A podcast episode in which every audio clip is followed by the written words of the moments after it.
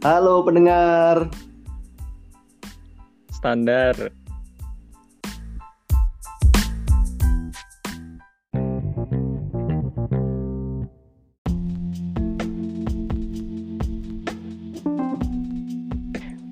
Oke, hari ini kita mau ngapain nih? Mau nanya-nanya tentang apa ya? Jadi gini nih, uh, umur kita kan sekarang di pertengahan ya, pertengahan seperempat ding seperempat abad ya udahan ya. Di di umur-umur kayak kita ini tentunya kita udah mulai mikir dong gimana ke depannya kan, gimana asiknya berkeluarga, gimana asiknya uh, ya nggak kah? Mungkin beberapa orang aja ya, nggak nggak semua orang tapi udah mulai lah harusnya promo kita kan. Nah sebagai pondasi hmm. itu ada tiga hal nih yang dari dulu uh, kita tahu bareng ya, yang yang harus kita punya yaitu sandang papan pangan nih, ya nggak kah? Betul. Terkait papan, papan itu kan rumah ya. Kita telah punya satu bintang tamu sangat expert membahas tentang rumah. Ada. Siapa itu, Mi? Ah, halo, siapa itu? Coba dong kenalan dong. Yang tadi udah ngomong Halo, ada. pendengar bakmi. Iya, siapa ya? Siapa yang mbaknya kenalan? Stupid. Sempit. Ya, eh, Moza ya. Namanya Moza itu sebenarnya. Dia Oh, itu iya. dulu eh, dari arsiteknya UGM. Oh, Bohong gitu. banget. Dan dia tuh jago banget desain nih. Sekarang dia juga udah punya satu firma sendiri ya untuk sebagai desainer. Jangan, please.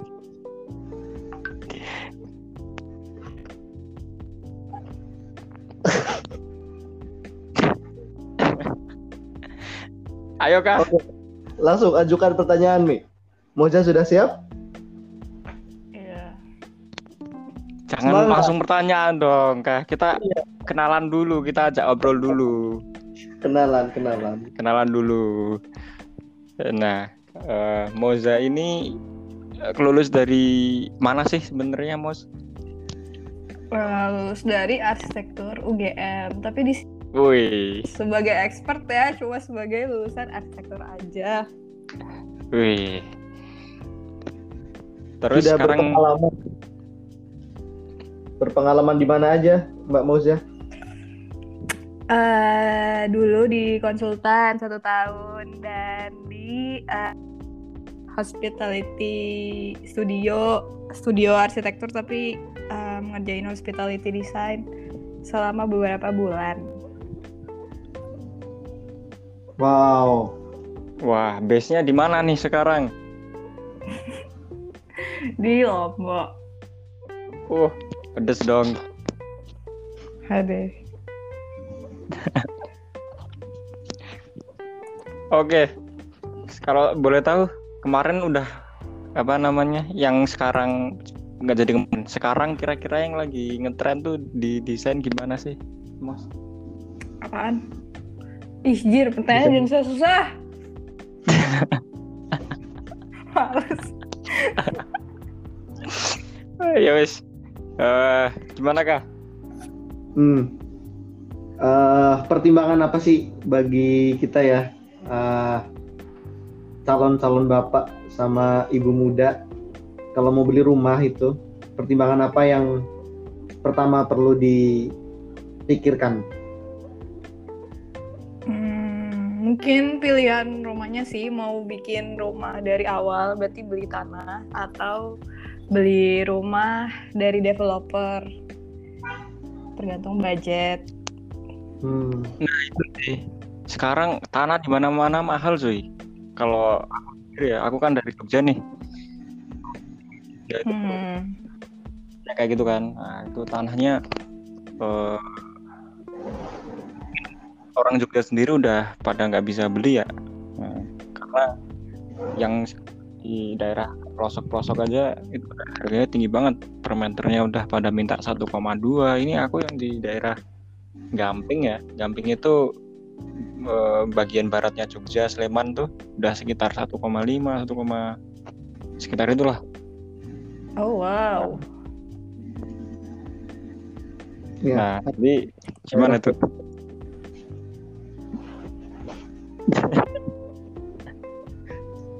Apa faktor yang menyebabkan kita kan tadi ada dua nih ya. Eh, satu mau beli dari developer, kedua mau bangun dari awal, yaitu beli beli Iya. tanahnya dulu. eh apa min plus deh? Min plus dari kedua pilihan itu atau sebenarnya sebagai anak muda yang budgetnya terbatas itu lebih eh, bagusan yang mana nih dari dua versi itu?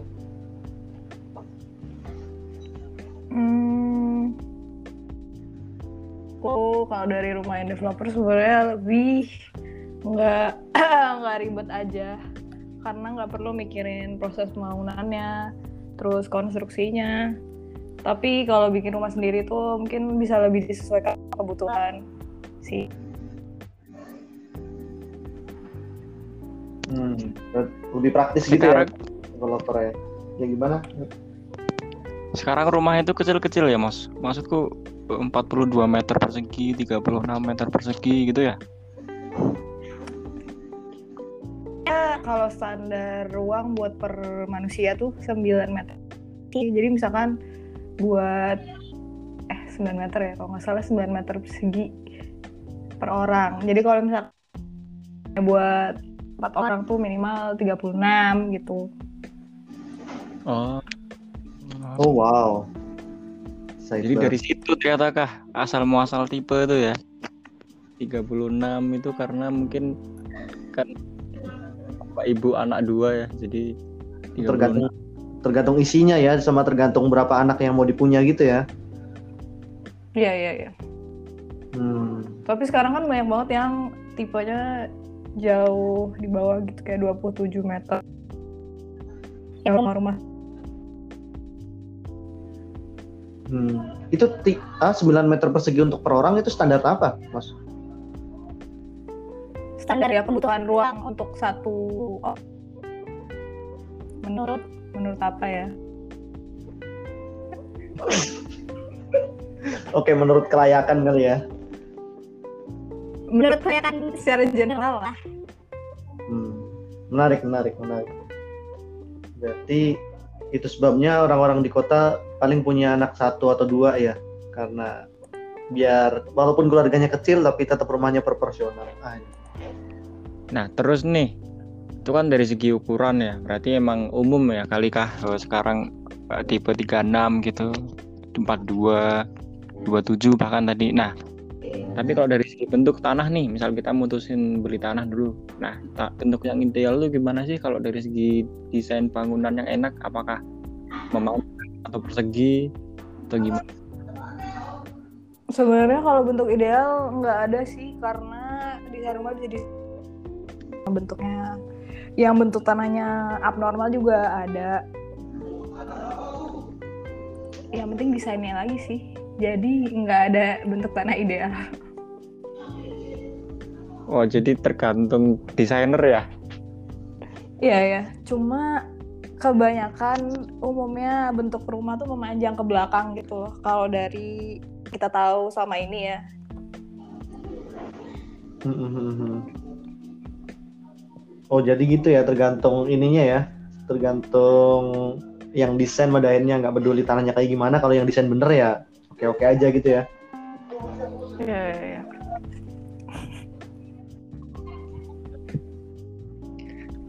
Tapi emang mungkin bener ya, maksudku kan kemarin aku juga sempat lihat-lihat kapling-kapling ya di perumahan itu semuanya modelnya memanjang sih, kak.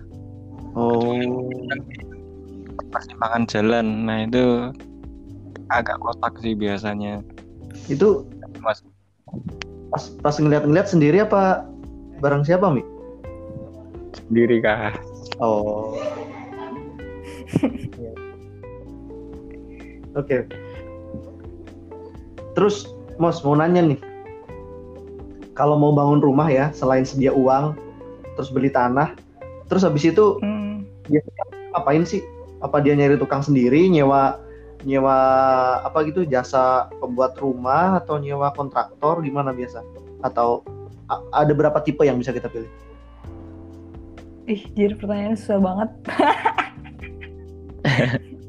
Sebagai orang awam, saya perlu tahu. Sebagai em soalnya aku juga kurang ini ya, tahu detail. Tapi biasanya sih kayak langsung-langsung aja gitu nyari tukang terus udah nyiapin. Mungkin- Mungkin ini lebih taunya tentang desain kah? Bukan pertukangan kayak. Itu kan langkah praktisnya ya. Berarti oh berarti kebanyakan orang masih ini ya. Dia kayak manage sendiri ya, budgetnya dia juga, terus nyari tukang dia juga, nyari jasa arsitek dia juga gitu. Orang itu juga yang mau bangun. Iya.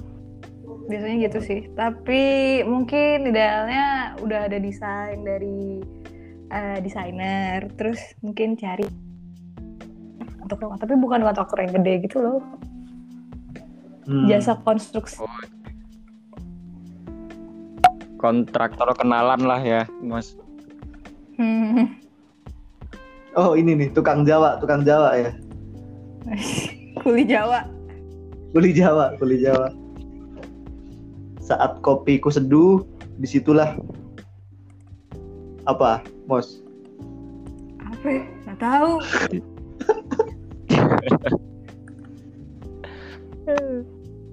Di situlah. Wah. Rumah. Apakah? Rum- rumahmu beradu. Nanti kita potong begini.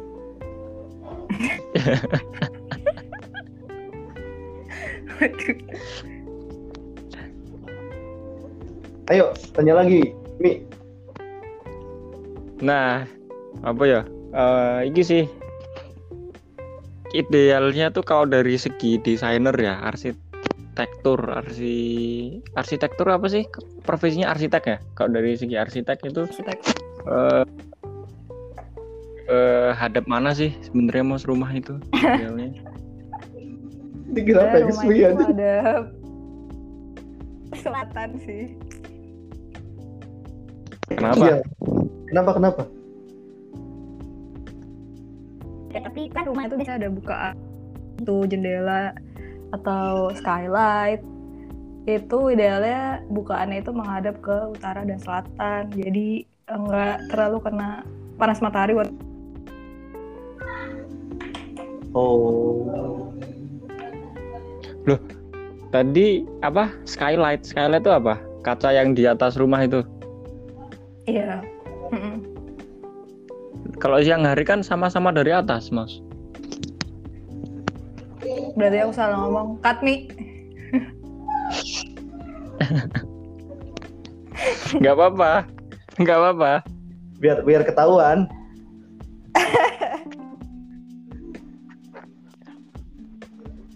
Eh, Mas mau nanya nih. Ya kan dari tadi nanya juga ya. Feng Shui dipelajari. Feng Shui dipelajari nggak di arsitektur? enggak enggak ada Oh nggak ada. Oh mungkin di ini ya. Kayak ini apa? aja sih biasanya kan ada klien-klien tertentu percaya sama feng shui ya jadi Mhm. ya kita ngikutin aturan feng shui sama kliennya Oh preferensi ya. Mhm. Berarti mau nggak mau kamu sendiri percaya, Mas? Hmm, mungkin dengan alasan yang lebih uh, feng shui nggak boleh um, kamar mandi itu satu arah secara eh, tegak lurus sama pintu pintu depan rumah kan itu bener ya maksudnya kayak pamali gitu loh ngeliatin bagian dalam rumah yang kamar mandi yang kotor Hmm. Oh, logis, logis, logis. Ya kayak nggak boleh madep kiblat gitu ya. Iya iya iya kayak kamar mandi nggak boleh ngad itu kan Itu kan Feng Shui tapi itu itu Arab. Eh. Nanti kita potong lagi ya.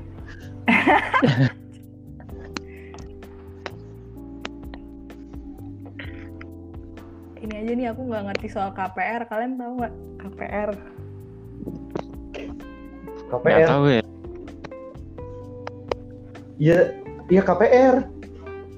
Yang sampai do- Iya, maksudnya Heeh. sampai puluhan tahun itu kan? KPR, iya ya, nyicil KPR. Berarti kamu mengajukan ke bank gitu? Aku belum. Iya. Eh, kayaknya pendanaan deh itu sistemnya deh. Kayak pendanaan untuk rumah gitu. Jadi keluarnya uang gitu dengan jaminan tertentu atau kalau kita udah kerja di PNS mungkin atau lembaga yang lebih ini ya, sustain itu. Kayaknya bisa-bisa aja ngajuin KPR tuh di bank. Gitu KPR kan Hmm. KPR itu setauku program Kredit. pendapatbiayaan ya kredit rumah ya dari tiap bank. Nah, nanti tiap bank punya eh, struktur program yang beda-beda, bung dari bunganya, dari tenornya dan sebagainya. Tapi kayaknya sih aturannya ya. Cuma aku nggak tahu detailnya. Hmm. Kalau yang jurusan manajemen aja nggak tahu, apalagi yang diharapkan dari jurusan yang lain. Kalau Mas Barka sendiri dari jurusan apa? Jurusan filsafat perikanan. Oh, ada itu ikan di filsufin. Kalau ilmi manajemen apa mi? Aku manajemen manajemen diri lah, karena Manaj- diriku belum termanage dengan baik. Ini mi manajemen air mineral mi. Manajemen air mineral bisa, bisa.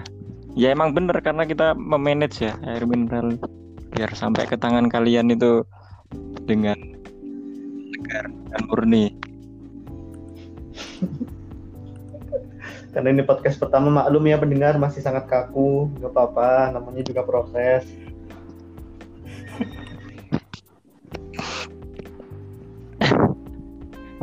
Terus terus piye iki? Ini udah, kayaknya kita ngerekam yang lumayan serius sudah ada 16 menitan dan mungkin juga nggak ada yang denger ya. Jadi harus berlama-lama.